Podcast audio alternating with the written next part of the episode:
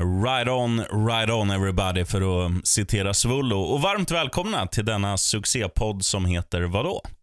NFL med Gnistan. Och Me, Myself and I, Sheriffen. Läget Olsson? Jo men det är riktigt bra. Um, det, det, är lite nervöst just nu. Vi, vi spelar in kvällen uh, på torsdag och jag kommer ju sitta uppe i natt för att kika på Green Bay Packers. Dock så känns det ganska betryggande med tanke på att hälften av 49ers-laget är ju typ borta. Eh, det är många skador, vi snackar om George Kittle eh, med flera och såklart deras quarterback också Jimmy Garoppolo, men det är också deras wide receiver-core och running backs. Så ändå känns det ganska bra att kliva upp 0-2-20 i natt och faktiskt kika på den matchen. Eh, men i övrigt så, ja, det rullar på bra. Själv då? Eh, jo, det, det hände ju en liten grej igår. Vi vann ju, mm. vi vann ju ett pris på radion. Man kan jämföra det med, med TVns Kristallengala. Eh, det heter Exakt. Guldörat mm. och det fick vi då för eh, årets radioupplevelse. Och, och, det vi gjorde det var att vi, vi var på tio fester på tio timmar. Och Det var alltifrån, eh, vi körde bodybuilding och vi, vi blev skjutna med jävla luftgevär. Och, och, ja, det var kul. Storslaget. Riktigt stort grattis sheriffen. Jag var ju som sagt inte med på det. Thank you, eh, thank med tanke på att du sa, du sa vi. Eh, jag är inte inkluderad där. Ja, jag och Richie uh, Puss vet du. Exakt, och ni gjorde det med bravur kan jag säga. Det, var, det var kul, för jag, jag följde lite grann åtminstone på sociala medier. Gjorde jag faktiskt förra året när ni körde det där. Bravur och promillehalt. Ja, exakt. Det är det som krävs för att göra succé. Ja, det vet du. Du, ehm, ska vi blåsa igång introt och gå direkt på lite ehm, positiva och negativa eh, surprises? Det tycker jag. Jag är sjukt nyfiken på att vara med på den här listan. Blow the intro horn.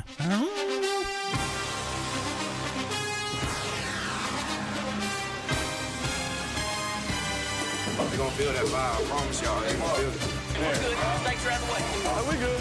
we good. Oh, he's thrown out of bounds over on the far side, and there's a couple of penalty flags. This is totally out of control. Jess Olsson, tillbaka i studiovärmen. Vill du att jag inleder med positiva eller negativa överraskningar? Som alltid de negativa först, men jag hoppas att den där lilla hornet som du gav innan introt inte kommer vara någonting som innefattats i överraskningarna, men vi får se. Börja med de negativa i alla fall. Jag kommer blåsa igen kan jag säga. Men vi börjar med de oh. negativa. Och Först och främst så måste vi slänga in Jared Goff på den här listan. Var det underskattning eller var det Dolphins defense som hade sin allra bästa dag på jobbet i mannaminne? Alla hade det liksom på samma dag och det gjorde att Jared Goff fick lämna Hard Rock Stadium med svansen mellan benen. Det fumlades, två till antalet, det kastades bort bollar, två till antalet och Dolphins med en QB som passade för ynka 93 yards. Ja, du hörde rätt. 93 yards. Och en running back som bara sprang, eller två running backs, de varvar ju lite, som sprang för 60. Alltså you do the counting. 153 yards lyckades Dolphins liksom mäkta med. Och ändå så, så vann man den här matchen stort. Shit my Brit, alltså var det här en dröm? Ja. Jag nyper mig i armen. Aj! Nej, det var ingen dröm. Det var sant.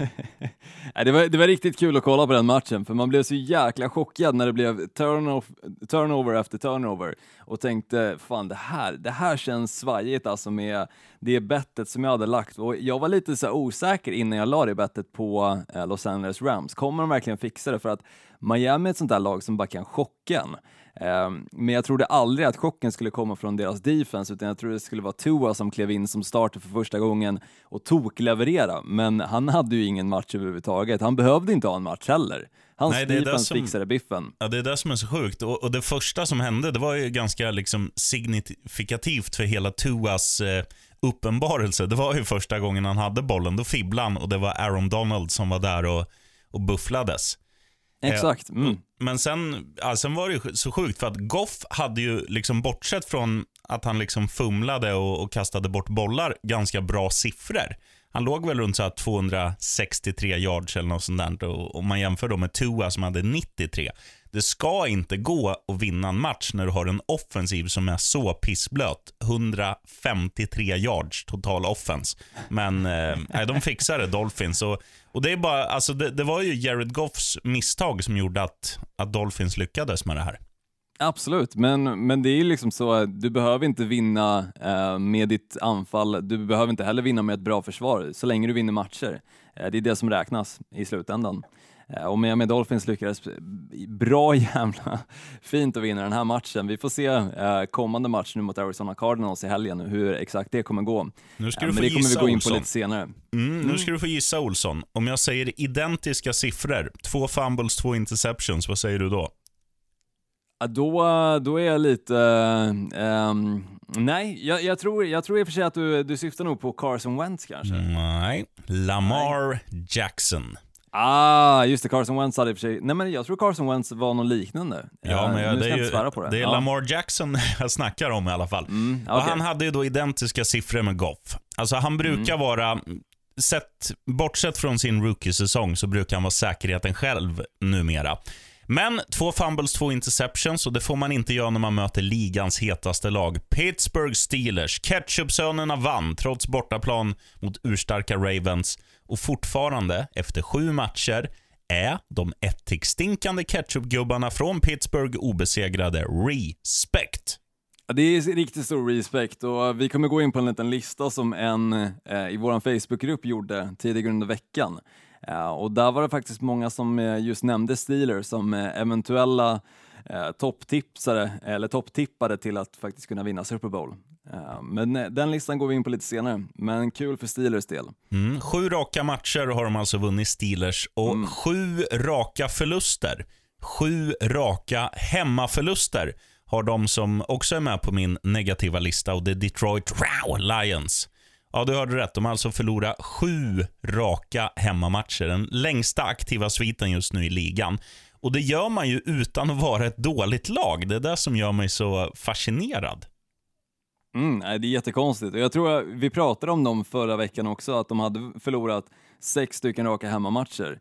Eh, och nu så blev det ju såklart sjunde matchen där också. Så, men jag håller med dig, det, det är ett lag som bör ha vunnit fler matcher för att de har spelat väldigt bra i vissa matcher, men sen, sen är det någonting mot slutet på matchen som de totalt tappar hela deras driv och spel eh, så, så att motståndarlaget får en chans att faktiskt vända matchen och komma tillbaka. Mm. Vi skuttar in på det positiva och jag vill höra dig, Olsson, göra Minnesota Vikings eh, horn. Det kommer aldrig hända. Det kommer inte hända. Absolut inte efter den här matchen. Fy Då får fan. jag göra det då. Dalvin Cook är med på listan och han vann ju egentligen matchen mot Olssons ostar, alltså Green Bay Packers, på egen hand. 163 rushing yards, 63 receiving yards, 4 touchdowns. Förutom extra poängen då som Dan Bailey sparkade in så gjorde Cook samtliga poäng för Vikings, 24 totalt. Green Bay, de mäktar med 22. Haha, in your face. Rogers sa Cook och satte sig på bussen och åkte till flygplatsen med en vinst i bagage. Vem gjorde samtliga Green Bay-poängen då? Det glömde du säga. Ja, men det är ointressant eftersom att de inte är med på listan. Eh, vi skuttar till plats nummer två på den positiva listan och där hittar vi då Broncos och deras supervändning mot Chargers. Alltså Justin Herbert, han är fortfarande glödhet, QB då i Chargers. Eh, han såg till att de ledde med 24-3. Notera, 24-3. Men sen vet fan vad som hände. Eller jo, Denver gjorde en mirakelvändning. Drew Lock började hitta sina receivers. Philip Lindsay snittade närmare 14 yards per carry. Det är bättre än Knutte Knutsson det. Eh, och när Hesa Fredriksen göd, vi kan göra Vikings-ljudet, så hade Denver vänt och vunnit med 31-30. Starkt av ett halvdåligt lag. Pardon. Ja, verkligen. Rikt- Jag, riktigt jävla ehm, starkt. Det hade inte jag räknat med och framförallt jag satt och kikade på åtminstone hälften av matchen. Eh, och sen precis vid, eh, ja, där de började vända så eh, cashade jag faktiskt ut och gick och la mig. Eh, vilket var skönt med tanke på att sen när jag vaknade upp dagen efter så insåg jag liksom att Chargers hade ju tappat hela den där ledningen och dessutom torskat matchen. Eh, så ibland ska man ha tur med cash out-funktionen. Mm, där har du det. Ehm, och tredje lag eh, som vi ska hylla, det är ett lag som fan aldrig har hyllats. Det är Cincinnati Bengals. Och varför? Jo, så här är det. De spöar Tennessee, som inför den här matchen endast hade förlorat en match. Det var ju då mot Pittsburgh, obesegrade Pittsburgh. Och som de gör det, Bengals, alltså 31-20 skrevs siffrorna till. Joe Burrow, eh, rook, rookie quarterback, vad svårt det var att säga, rookie QB. eh, han såg ut som en jävla veteran. Och uh, Giovanni Ja. Bernard, som har varit liksom Ja, fan, man visste inte ens att han levde längre. Han sprang ju som i fornstora dagar och försvaret var Ja, de, de hade problem med Derrick Henry, men annars var de bra. Och um, överlag en riktigt stabil laginsats ifrån Bengals. Hatten av, bra jobbat, right on. Ja, verkligen. De följde upp på samma spår som de var inne på mot eh, Cleveland Browns, men skillnaden var att deras försvar också steppade upp inför den här matchen. Så försv- anfallet fortsatte på samma spår medan försvaret steppade upp till den nivån som även anfallet spelade på och det ledde till en vinst mot ett lag som var extremt favorittippat inför den här matchen. Roligt om vi bara stannar lite snabbt på just den här matchen, sheriffen. Ehm, Du och eh, jag inkluderat var ju eh, några av många, tror jag, som tippade på Tennessee Titans att de skulle vinna den här matchen. Men det som är intressant är också att både du och jag, åtminstone såg jag på din kupong och såklart mina också, vågar inte lägga minushandikapp på den här matchen. Och när ett lag står på ungefär 1,40 gånger pengarna och du inte vågar lägga minushandikapp när det andra laget står på cirka 2,90 gånger pengarna, då är det någonting som odds, oddsmakarna eh, ändå lyckas med där, att man, man hoppar på 1,40 oddset, men det, det är någonting som ändå ligger och pyr i luften, att man, man vågar inte köra minushandikappet för man tror inte på dem tillräckligt mycket. Ehm, och, och det är någonting som jag kommer ta, ta med mig och även rekommendera till, till dig som lyssnar, att om du inte vågar lägga ett minushandikapp på en sån match, då kanske du inte ska lägga på den matchen överhuvudtaget. Nej. För det är sådana matcher man oftast förlorar och det är ofta sådana som man har med på x antal kuponger också. Eh, talar såklart för mig själv. Hade kanske tre kuponger med Tennessee Titans. Uff. Ja, slarvigt. Själv, Ja, missar jag ju, själv missar jag ju på att eh, jag hade spelat, eh, vad heter de nu? Buffalo Bills skulle vinna med minst fyra poäng. De vann med tre. Mm. Uff. Också jobbigt. Också Uffa jobbigt. mig, När minushandikappet eh, inte riktigt sitter. Det är bara en liten hårsmån ifrån. Men ska vi hoppa in på lite nyheter, sheriffen? Shoot. Mm, det är nämligen så att ett av lagen som du pratade om, nämligen Detroit Lions, deras quarterback Matt Stafford, är placerad på reserve slash covid-19-listan och kommer alltså inte spela i helgens match mot Vikings, vilket innebär såklart att Vikings har en extrem fördel i att vinna den här matchen eh, och kommer kunna avancera med resultatet också såklart från eh, vinsten med Green Bay eh, som de lyckades dra åt sig i helgen. Så Vikings kanske man inte än så länge ska räkna ut för att det här får dem ju också bygga upp lite momentum inför eh, veckan därpå. Um, men tråkigt för Detroit Lions som haft det tufft. Eh, vi pratade om det att vi tycker att de borde ha spelat på en bättre nivå men nu som sagt med Matt Stafford borta på reserve slash covid-19-listan så blir det tufft för dem att eh, ta sig framåt. Förhoppningsvis är han väl tillbaka redan till nästa helg. Eh, är väl det som förmodat. Sen är det ju också så att trade deadlinen var ju den 3 november, samma dag som valet skulle avgöras, trodde vi åtminstone, USA-valet, alltså presidenten. Eh, fortfarande inte avgjort, men däremot så är trade deadlinen nådd. Och det var ju inte jättemånga stora namn eller överraskningar för första gången på ganska länge tycker jag. Eh, linebacken Quan Alexander gick ifrån San Francisco 49ers till eh, New Orleans Saints, en trade där. Eh, linebacken Avery Williams gick ifrån New York Jets till Pittsburgh Steelers. Han gick från 0-7-lag till 7-0-lag. Såg du hans bild han la ut på sociala medier? Ja, det är nog en bild som är tagen för några år sedan, men den var extremt rolig när han står och försöker få tag på en taxi fullklädd i New York Jets-kläder. Jag tror han är barfota också. Ja, det ser ut som det. Det ser ut som det. Stenhård Eh, i Sen alla fall. eh, cornerbacken eh, Desmond King ehm, har blivit tradad ifrån Los Angeles Chargers till Tennessee Titans och Miami Dolphins tidigare wide receiver Isaiah Ford har blivit tradad till New York, ehm, New England Patriots. Boo. Men utöver det så var det som sagt inte några andra stora namn som blev tradade. Eh, utan alla andra stannade kvar på samma adress och det var ju några som ryktades om att de kanske skulle få ett nytt lag, exempelvis Will Fuller i Texans som det ryktades om att han kanske skulle hamna i Green Bay Packers istället.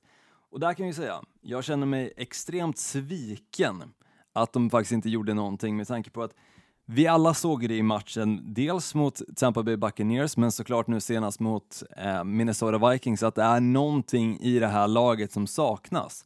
Får de bara den pusselbiten på plats så kan de mycket väl vara en Super Bowl-contender. Men i och med att de dels har en wide receiver som de helt och hållet kan förlita sig på i Devonta Adams, och sen ett försvar som inte kan stoppa springspelet så blir det tufft att vinna matcher eh, mot ett lag som har ett bra springspel, en bra offensiv linje och ett försvar som ändå kan täcka upp åtminstone en spelare. Mm. Eh, så jag är extremt besviken på att de inte gjorde någonting samtidigt jag förstår situationen med Will Fuller Eh, just av anledningen att nästa säsong så kommer han bli free agent. Han är inne på sitt fifth year option, eh, vilket betyder att han behöver ett kontrakt tills nästa år och han hade förmodligen kostat mer än vad Devonte Adams kostar och det är han inte värd. Eh, Devonte Adams ska få de pengarna före honom. Och sen, sen är det ju så här, man måste, ta, man måste ta hans ålder. Eh, alltså, han är, är 25 ingen... bast bara. 25 jo, bast. Ja, det, det, är han. Men, men tittar man på han, han, han har ju varit med länge och då är man liksom som en 35-åring i kroppen. Så att, nej, det där han har är... varit med länge och skadad en hel del också och de ville ha ett eh, andra runde pick för honom. Men, men jag tycker att jag såg en intervju faktiskt med eh, Pat McAfee show, eh, som jag brukar kika på ibland kan tipsa starkt om den. Eh, där de pratade med en gammal eh, Green Bay Packers eh, insider som jobbar eh, med det finansiella för spelarna, eh, som faktiskt sa det väldigt bra att du har egentligen Will Fuller på ett lån, för du måste signa honom, för han blir som sagt free agent nästa säsong. Eh, så ger du inte honom ett kontrakt så är det egentligen bara ett lån och då betalar du ett andra runde pick för ett lån på cirka 6-7 matcher.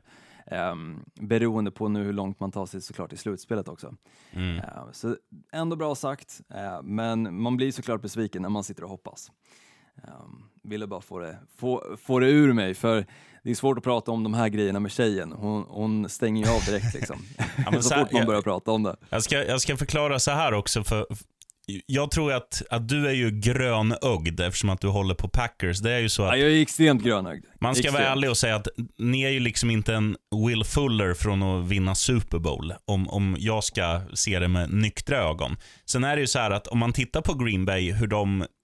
Alltså vad som har hänt senaste åren. Nu är det ju inte, nu är det inte så mycket stjärnspelare, utan nu är det ju spelare som man har tagit med sina first round, second round, third round picks. Som är stötte, eller stöttepelarna är de inte, men, men det är ändå viktiga komponenter i det här mm. laget. Mm.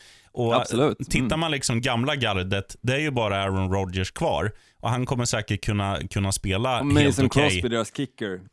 det är de Jo, men det räknas ju inte. Det fan, jag skulle kunna sparka den där jävla äggbollen helt okej. Okay. Nej, men om man tittar liksom, de har ju, jag tror så här att de känner inte att det är värt att få in honom på ett lån, 6-7 matcher, mm. för att vaska ett andra rundsval som kan ge dem kanske samma kvalitet fast under 5, 7, 8 år. Och liksom bli en, alltså det känns som att deras nya strategi är att drafta smart. Och, um, och det tror jag att... Det gjorde de inte den här säsongen dock, med tanke på att Jordan Love, han sitter på bänken med tanke på att Aaron Rodgers spelar på en riktigt bra nivå. Ja, men det är ju en framtidsspelare, Olsson. Absolut, men A.J. Dillon känns inte som en riktig framtidsspelare för att när han har väl spelat så har inte han levererat på en bra nivå. Eh, så det krävs mycket arbete med honom för att ta honom till att kunna bli en NFL running back. Och sen deras tight end som de draftade i tredje rundan, han känns inte heller speciellt farlig med tanke på att han mer agerar som en blocking tight end. Um, så ja, just den här draften känns som att de gjorde ju absolut ingenting för att försöka säkerställa en vinst under de här eh, kommande åren, vilket kan bli de sista åren med Aaron Rodgers. Um, så um, som, som, Green Bay-fan så är man ju lite besviken, ehm, uh, men, men däremot kikar man tillbaka historiskt sett, uh, när de exempelvis vann Super Bowl 2010 års säsong, Eh, då hade de faktiskt ett lag som till 95% bestod av spelare som enbart hade blivit uppfostrade och eh, draftade i Green Bay. Eh, alltså att de antingen är signat på eh, andras lags practice squad-spelare eller faktiskt draftat de här spelarna själva. En nämnvärd såklart är ju eh, Charles Woodson som de eh, tog under Free Agency 2006, men utöver det så inga stora namn som inte var fostrade i Green Bay från dess att de kom in i NFL. Um, ehm, men de lyckades trots med det vinna Super Bowl, så jag antar att de försöker sig på samma spår att vinna med en trupp som ja, är Green Bay-trupp rakt igenom. Um, även ja, fortsättningsvis. Uh, vilket såklart är lite nackdel med att det finns ju ingen riktig ägare i det laget heller som kan stoppa ner foten liksom och säga nej men nu måste ni plocka in en spelare som antingen kan sätta stopp på eh, springspelet eller för den delen kan, kan säkerställa att vi eh, faktiskt har en till, eh, ett till offensivt vapen. Eh, så det är lite nackdelar såklart med att inte ha en enskild ägare. Eh, samt så att det kan vara fördelar också såklart. Men det här kommer ju vara någonting, de känner ju själva, tror jag, att de vet att det kommer inte bli någon Super Bowl. Visst, de är in the mix av tio lag kanske, men, men mm. alltså procentchanserna är ju små. Och det är sånt här, alltså en, en hel linje som ska sätta stopp för springspel, det, det är sånt man ordnar eh, under sommaren.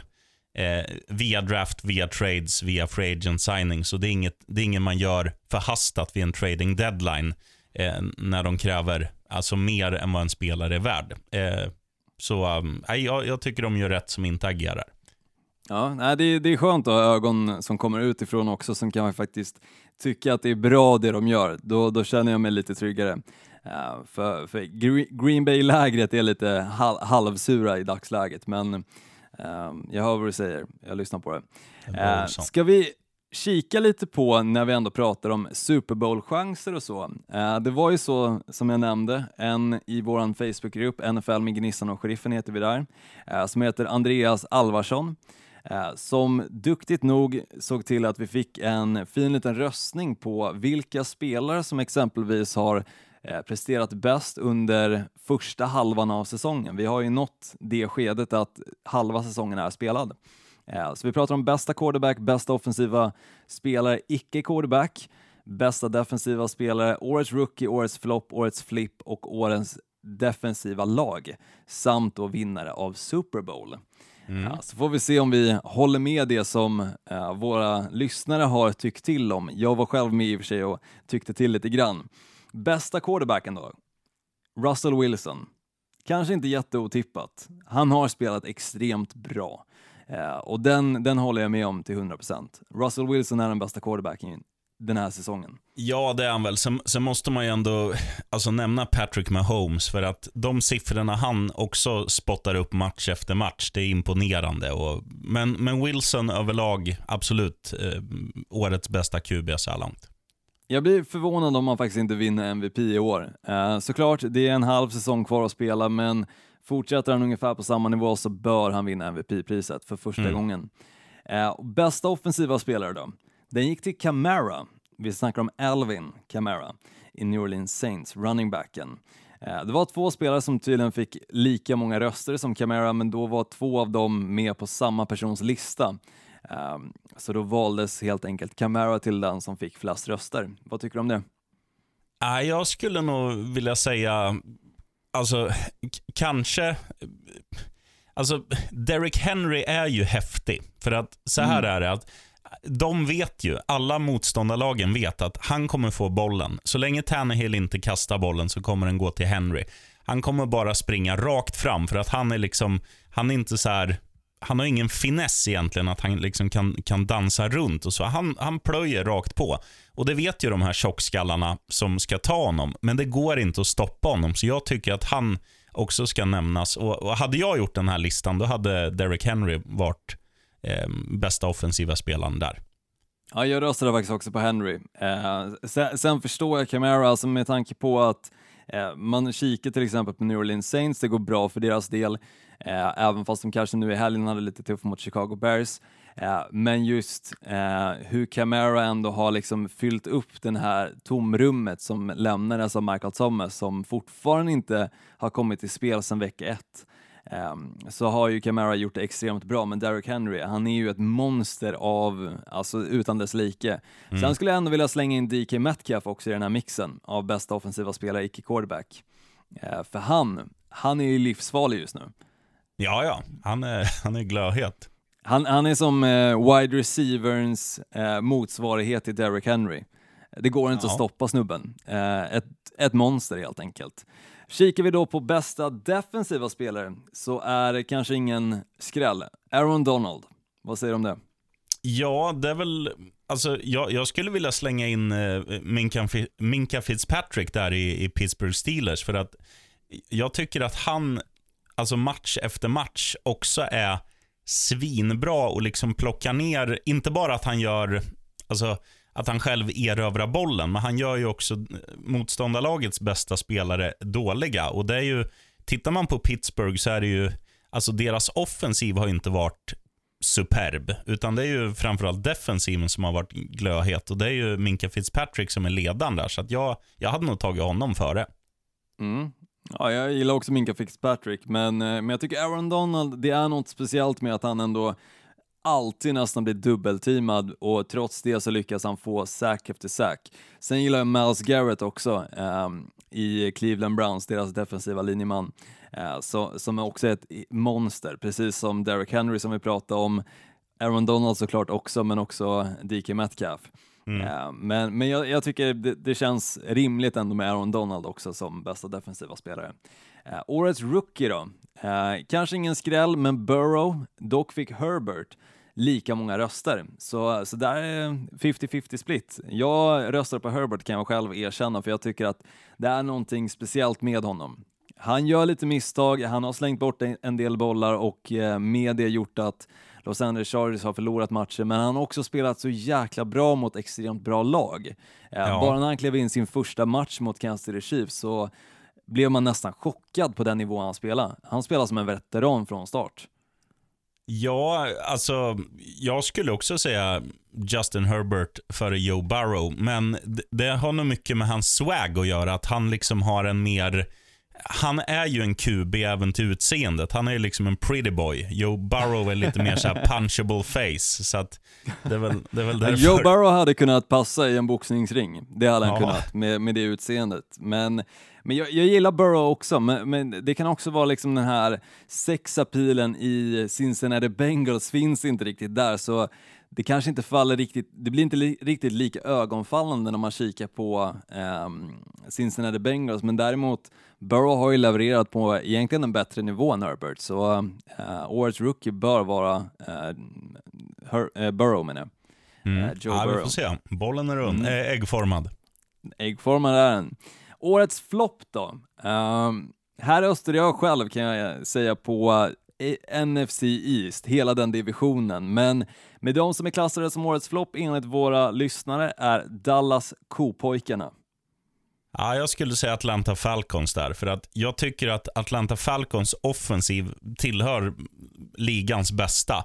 Och Det här försvaret har ju varit dåligt år efter år och man, man liksom har de har ju vetat om det och de har försökt att rätta till det, men det går mm. inte. Det sitter liksom i väggarna. Så jag, jag ger årets flopp till Atlanta Falcons. Också det här med att de leder matcher stort, men tappar match efter match. De har vunnit två och förlorat sex med det laget de har. Det är mm. alldeles för dåligt.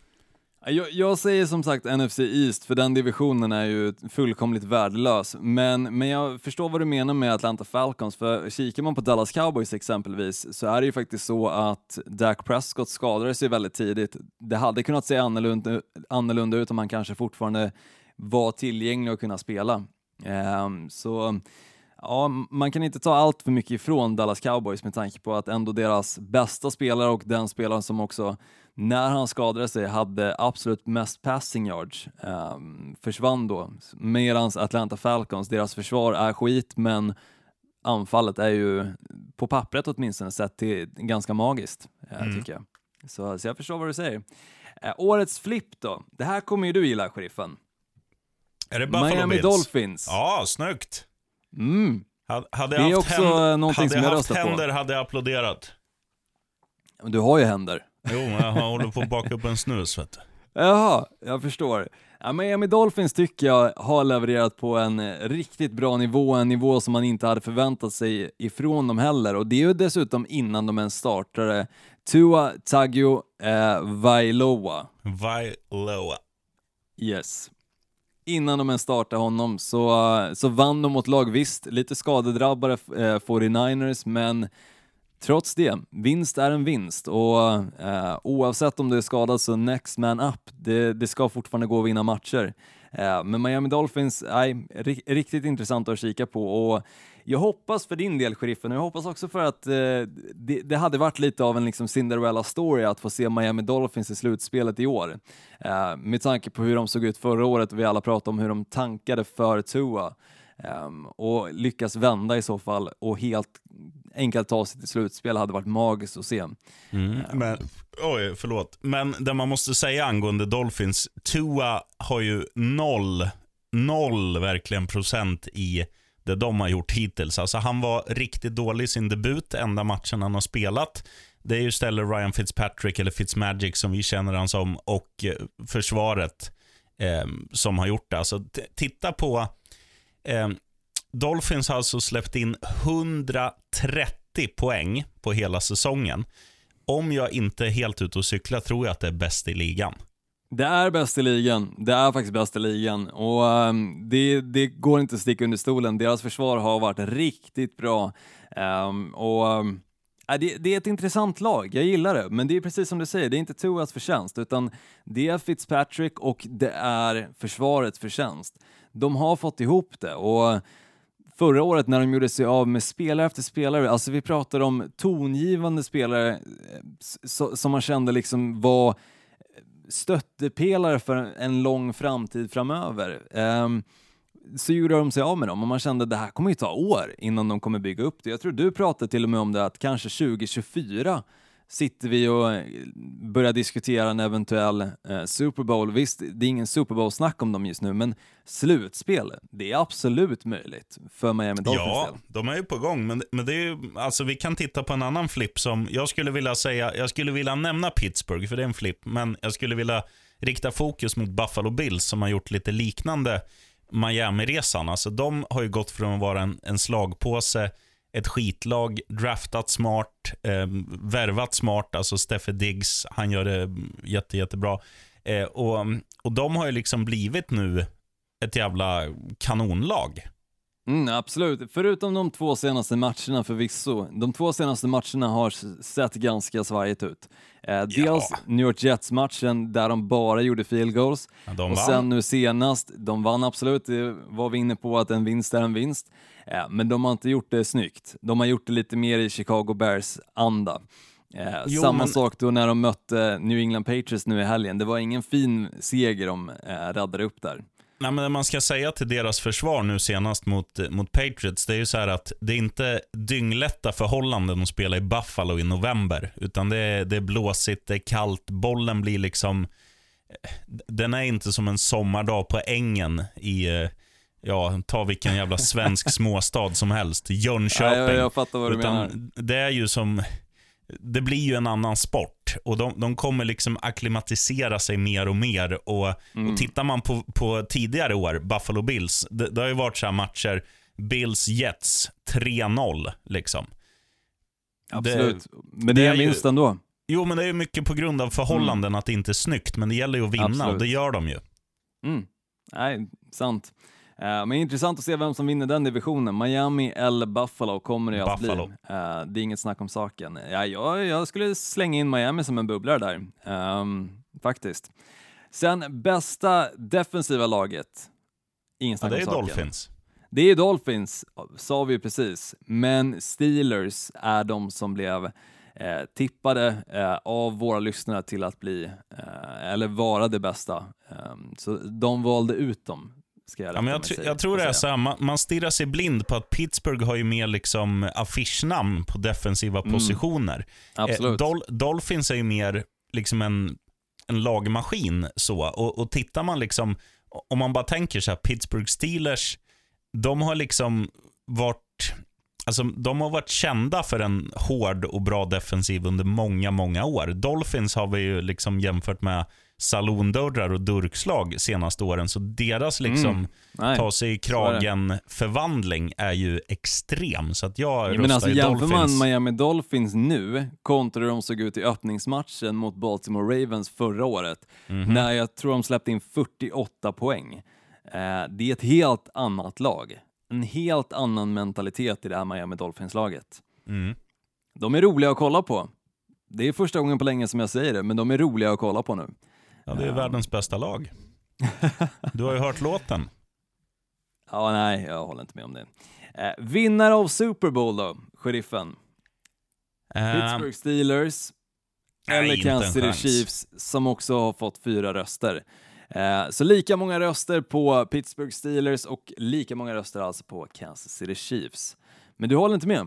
Nej, jag håller inte med. Jag tror Nej. att eh, om vi tar AFC, jag, jag säger de som kommer mötas i Super Bowl. Jag tror ju ändå att eh, Baltimore Ravens är för starka och sen tror jag att New Orleans Saints kommer komma igång, framförallt om Michael Thomas kommer tillbaka. Då, då har de också ett ruggigt potent lag. Eh, där har du min Super Bowl. Saints vs. Chiefs. Uga shaka, uga shaka. Det känns som man har pratat om Saints alltså nästan varje år, att de ska lyckas. Det ska vara liksom den här sista grejen som vänder. Men det, de lyckas aldrig med det. Och jag Nej, men- känner att Drew Brees nu som inte ens passar över 20 yards nästan på en, hela säsongen, så länge åtminstone. Men det är jag känner att inte Michael det, Thomas det är inte inte är nu där. de vinner. Jo men det, det ska ju ändå gå att passa över 20 yards till en annan spelare. Jo, men så här är det att när han är med så drar ju han på sig dubbel markering och då blir de här andra tjockskallarna öppna. Nu är det så att nu har, nu har du en, en försvarare på varje anfallare. Drew Brees, lite äldre, lite fegare. När det väl kommer börja gälla sen, då tror jag han kommer börja lassa. Så att, eh, och, och Sen är det också så här, om man, om man bara tittar på deras eh, statistik krast så har ju de vunnit väldigt många tajta matcher hittills. Det har inte varit de här blowoutsen som man är van med eh, när det gäller Saints. Men jag tror att det är ett styrkebesked att sen i slutspel och så kommer det kokas ner till mer tajta matcher. Och De har vunnit fem, de har bara förlorat två. Och de har absolut inte imponerat, men jag tror att de, de kommer liksom gå stärkta av en sån här halvknackig säsong när det väl börjar gälla sen. Och jag, ja, jag tror stenhårt på Saints.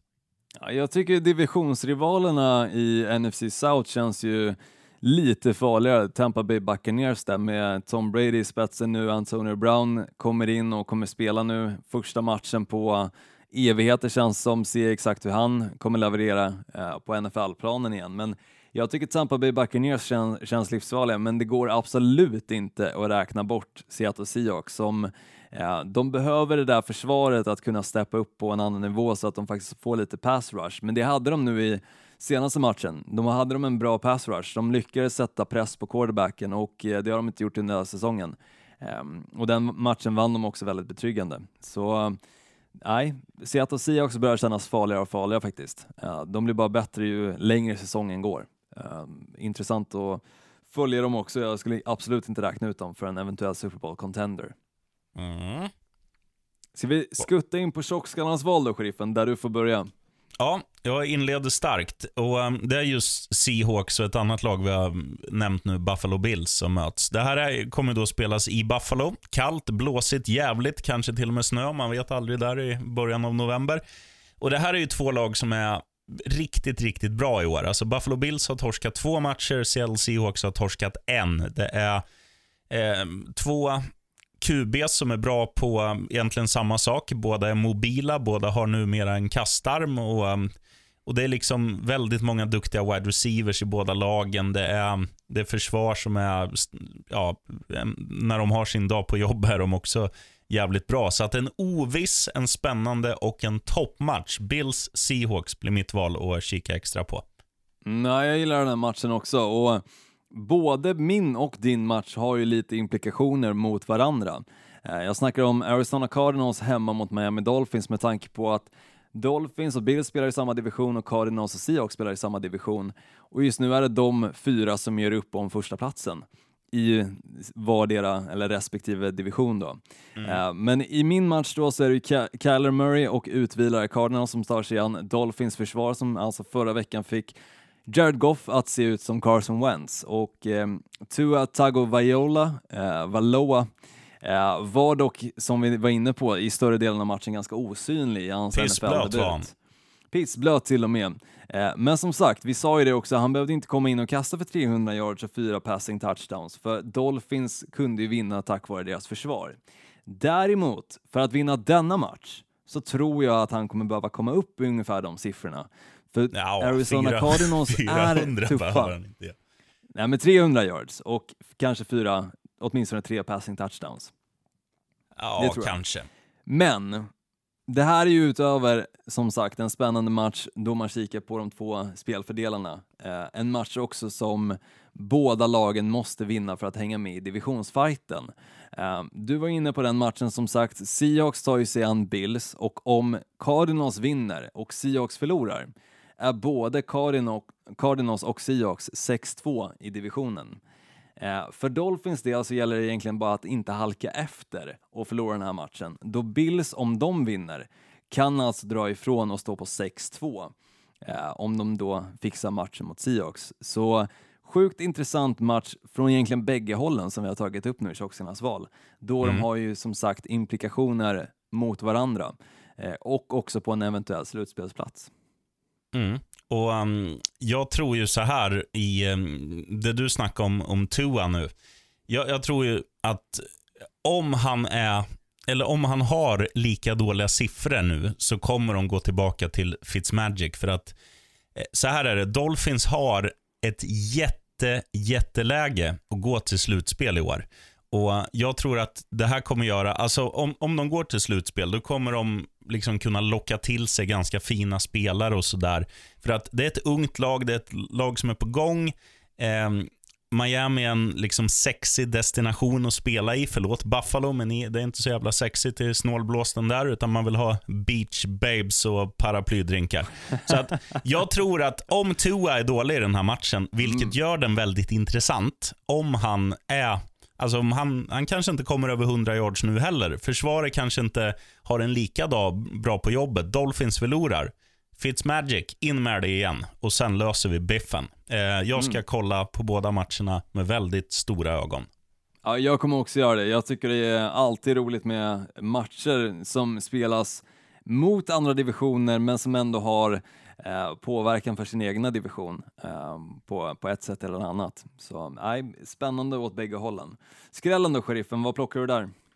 Um, där vill jag ändå säga Las Vegas Raiders, ett lag som också är en positiv överraskning i år. Gör det bra nästan varje match uh, och nu möter de Los Angeles Chargers. Ett Chargers som på pappret skulle vara mycket bättre än vad de har varit. De har vunnit ynka två matcher. Jag tycker att Justin Herbert är jättebra, men jag tycker att många andra i det där laget har underpresterat något djävulusiskt. Så att jag tror att Raiders åker dit och knäpper dem på näsan. Ja, men jag tror också det. Framförallt med tanke på att Chargers, så många matcher nu på raken som de har förlorat ledningar, eh, måste sätta sig också i eh, skallen på, på spelarna att vi, vi kan inte när de väl kommer till fjärde kvarten exempelvis och leder matchen så, så börjar liksom det här oron växa kanske just på, det är ändå liksom, de spelar för sin, sin plats i laget också. Eh, mm. och levererar inte de så blir det next man up och eh, den oron som kommer av att veta att det är extrem press på dem att faktiskt fixa och hålla i en ledning eh, gör ju såklart att det, det, kanske blir liksom ett helt annat typ av spel. Eh, och det kan vara det som har hänt exempelvis nu mot Denver Broncos i helgen, eh, att de mm. fullkomligt tappar det. Eh, och det får inte hända mot ett lag som Las Vegas Raiders, för de kommer utnyttja det eh, och de kommer vinna i så fall matchen med, med ganska stor säkerhet. Tittar man krasst också på statistik bara så ska man säga det att eh, Los Angeles Chargers har bara vunnit en hemmamatch. Las Vegas har vunnit tre av fyra borta. Så att det finns lite som talar för dem i den aspekten också. Att det, det gäller ju så här att komma in i en bra känsla. att När man sätter sig på bussen, för de åker ju buss, Las Vegas LA, det tar tre timmar ish.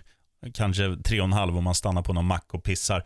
Eh, så är det ju så att varje gång du vinner en bortamatch, när du gör samma procedur, så, så liksom kom, vaggas du in i en eh, liksom bomullskänsla, en skön känsla. Och där kommer de sätta sig på bussen med till den här matchen.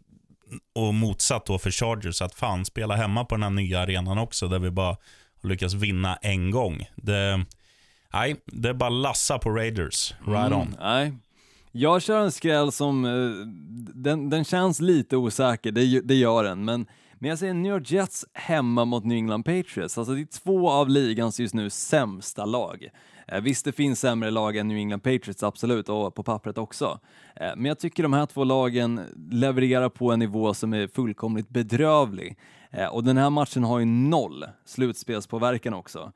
Men den kan ha påverkan på plånboken, för just nu står Jets i 3,65 gånger pengarna.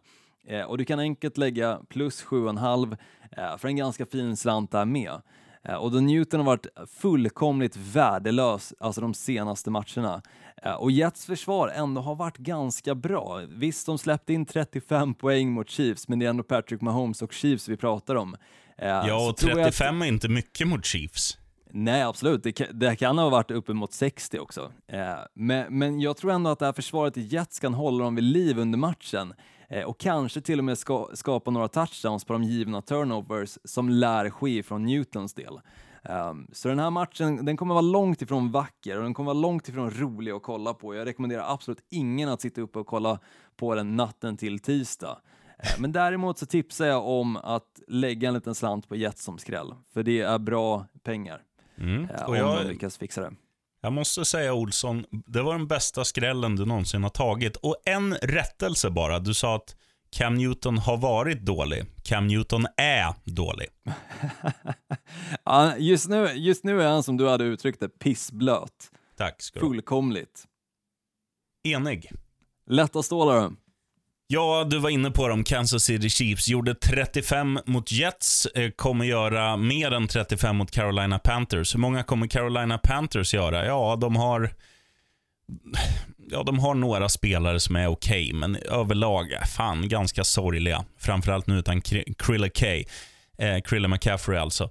Så um, Kansas City Chiefs, jag ska bara leka med mina egna tankar. De gör minst 40. Carolina Panthers gör inte över 21. Eh, handikappspel vinna med ja, minst, 90, eller minst 18,5 då. Där har du en klar. Eh, och är man jävligt feg så spelar man bara att de vinner, för det gör de. Ja, absolut. Men, eh, men ja, det verkar ju ändå vara lite implikationer på att Christian McCaffrey kanske faktiskt är tillbaka till den här matchen. Ja, det hjälper inte. Nej, jag tror inte heller att det hjälper. De, de, de möter ett för bra lag. Men, men det är kul för, för alla så, såklart som har eh, Christian McCaffrey eh, i deras fantasylag eller bara älskar att kika på den här spelaren, för han är någonting speciellt. Eh, intressant också att se hur han faktiskt kommer återhämta sig och leverera efter den här skadan som han drog på sig. Vecka två tror jag redan att det var. Mm. Eh, så det är ett tag vi inte har sett honom. Är han NFLs svar på Knutte Knutsson? Ja, jag, jag, jag, tycker nog att Christian McCaffrey är lite på en annan nivå än Knutte Knutsson, faktiskt. Ja, jag, jag tycker de är lika som bär. ja, det är fint. Jag, jag, tror att eh, Knutsson tar nog den som en extremt fin komplimang, sheriffen. Right on Knutte. Lätta stålar för min del så säger jag Houston Texans borta mot Jacksonville Jaguars. Alltså Jaguars kommer inte spela med Gardner Minshew i helgen då han har dragit på sig en skada. Eh, och då känns det ganska rimligt att fråga vad har de i övrigt? Eh, det är inte jättemycket faktiskt. Eh, det är en rookie running back. Vem är backup-QB då? Ja, det vet jag inte. Det har jag inte ens orkat kika in Är det fortfarande att... Chad Henney? Nej, det är det inte. Nej, Men han dök upp här om veckan. Jag blev helt chockad. Fan, lever den karn fortfarande? du, du är så ofta liksom, om du inte hör om någon, så tror jag att de har dött. Ja, men det känns ju lite så. Alltså, han, var ju, ja, han var ju posterboy i Tennessee Titans för tio år sedan och sen bara, ja, vart tog han vägen? Sen dyker han jo. upp någonstans, jag minns inte ens vart. Fortsätt. Tio år sedan förvisso. Ja, ja, men i alla fall, som sagt, de har inte jättemycket att erbjuda i uh, Jacksonville Jaguars just nu. Det är en running back som efter sin fumble för några veckor sedan har försvunnit från radarn helt och hållet och två wide receivers uh, som inte lyckats skapa jättemycket med Minshew och kommer inte heller göra det med en backup quarterback. Minus 6,5 på Texans tycker jag känns givet och jag hade faktiskt lagt det oavsett om Mincho hade spelat eller ej. Eh, men det känns mer säkert att lägga det här nu än regn i november, tycker jag. Ja, meteorolog Olsson, jag, jag håller nog med dig. Jacksonville har eh, inte varit vassa i år. Trots Det Minchip. har de verkligen inte. De öppnade vast och man blev nästan chockad. Eh, De öppnade lite på den nivån som även Miami Dolphins gjorde. Man tänkte att här är två lag som, som vi har fått se göra sig av med många tongivande spelare men ändå lyckas leverera. Eh, Men sen föll allting för Jacksonville Jaguars. Det var, det var ett fullkomligt korthus eh, som de hade byggt och det, det blåstes bort med vinden ganska så snabbt. Mm. Men så länge de har mannen med mustaschen, då kan det bli bra ändå, tror jag. Det kan bli bra, absolut. Om ett par Om inte år. annat sevärt. Och Florida är också en eh, tacksam stat att spela i om man vill bli rik. Så att där har de också till sin fördel. Så att jag, jag tror att Jacksonvilles framtid är ändå skapligt ljus. Mm, absolut. Om de inte blir eh, London Jaguars. Det är Ah. fortfarande diskussioner om det. Ja, och sitter fortfarande och hoppas på det också. Det, det hade varit kul. Vi hoppar över eh, rookies för denna vecka faktiskt.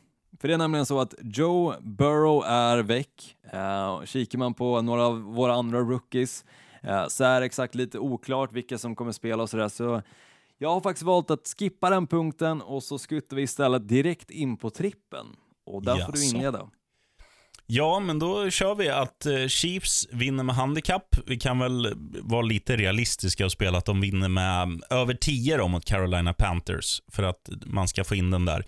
Eh, Las Vegas Raiders vinner borta mot Los Angeles Chargers. Och Sen ska jag fan hylla dig Olsson. Jag, jag gillar den där New York Jets plus 7,5 så den kommer jag också safta in. Mm. Snyggt, snyggt. Jag har dock inte den i min trippel själv, men eh, jag har lagt den i ett annat bett. Eh, jag har lagt min trippel också ska jag säga.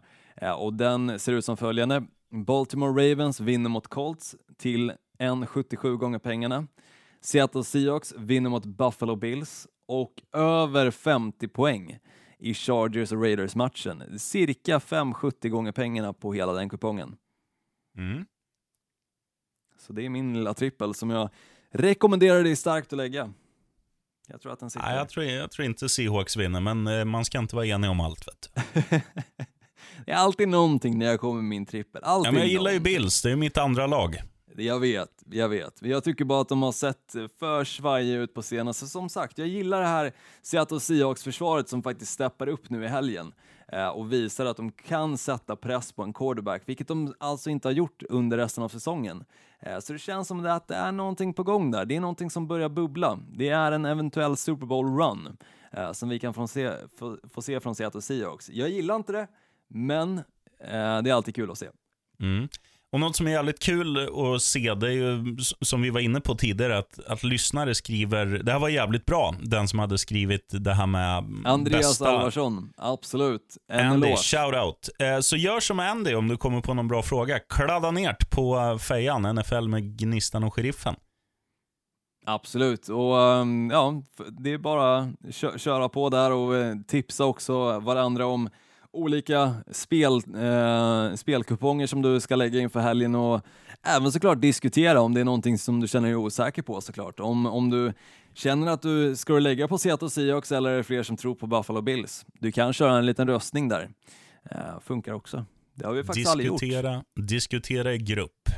Mm, absolut. Det är, det är så man kommer fram till saker. Du, nu har jag en hund som må få mat här, Olsson. Ja, det, det får du se till att fixa så ser jag till att gå och lägga mig så att jag kommer upp i god tid i natt när jag ska kika på Green Bay Packers mot San Francisco 49ers.